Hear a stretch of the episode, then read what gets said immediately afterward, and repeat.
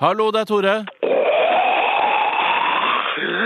Hei, Totte. Det er søstera di som ringer deg. Hallo, hallo, hallo, hallo, hallo, hallo, hallo, Hei, hei, hei, hei, hei, hei, Trudemor. Hva skjer i Nato? Ah, slukt noen kinesiske slankepiller og skylte ned med linjeakevitt, så jeg skjærer tenner som en shetlandsponni med ADHD, og så har jeg begynt å bake. Har bakt 40 brød nå og skal lage pizzaboller til generalforsamlinga i blokka i kveld, da. Ja, skjønner. Skal være litt forsiktig med medikamenter som er smugla over grensa opp i rumpa til folk.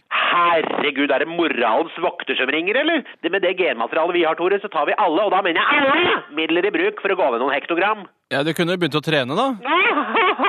Han har ikke kjeften og åndedrettssystemet mitt til å begynne å le. Ja. Jeg har prøvd aerobics, men det endte med at jeg fikk strekkmerker rundt brøstene. Jeg har gått på yoga, det ble for alternativt. Og så har jeg dansa salsa, men det endte med gonoré og klam herfra til Skedsmokorset. Han spanjakken hadde så mye snørr i trompeten sin at han smitta alle bertene på kurset, samt han Securitas-vakta som låste ut om kvelden. Han daua aids, da, men det var vel ei mening med det. Spilte på begge lag, han da, vet du. Fikk vel for mye majones både i huet og ræva. Det var det som tok knekken på han. Dansa som en gud gjorde den, da.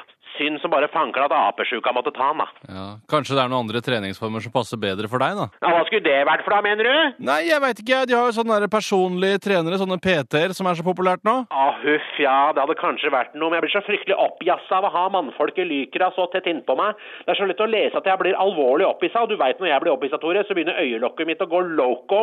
Det blir for hard påkjenning for meg, rett og slett. Ja, Det var kanskje et dumt forslag. Hva med å ta en skitur eller noe?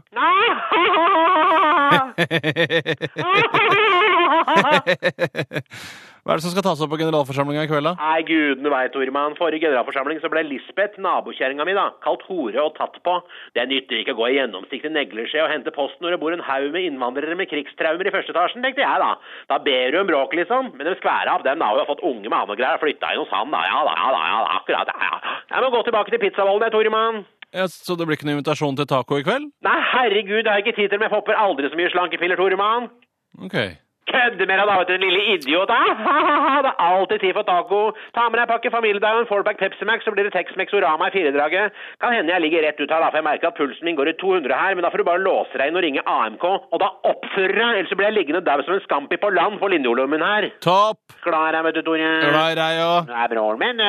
Ja, ja, ja. Papa.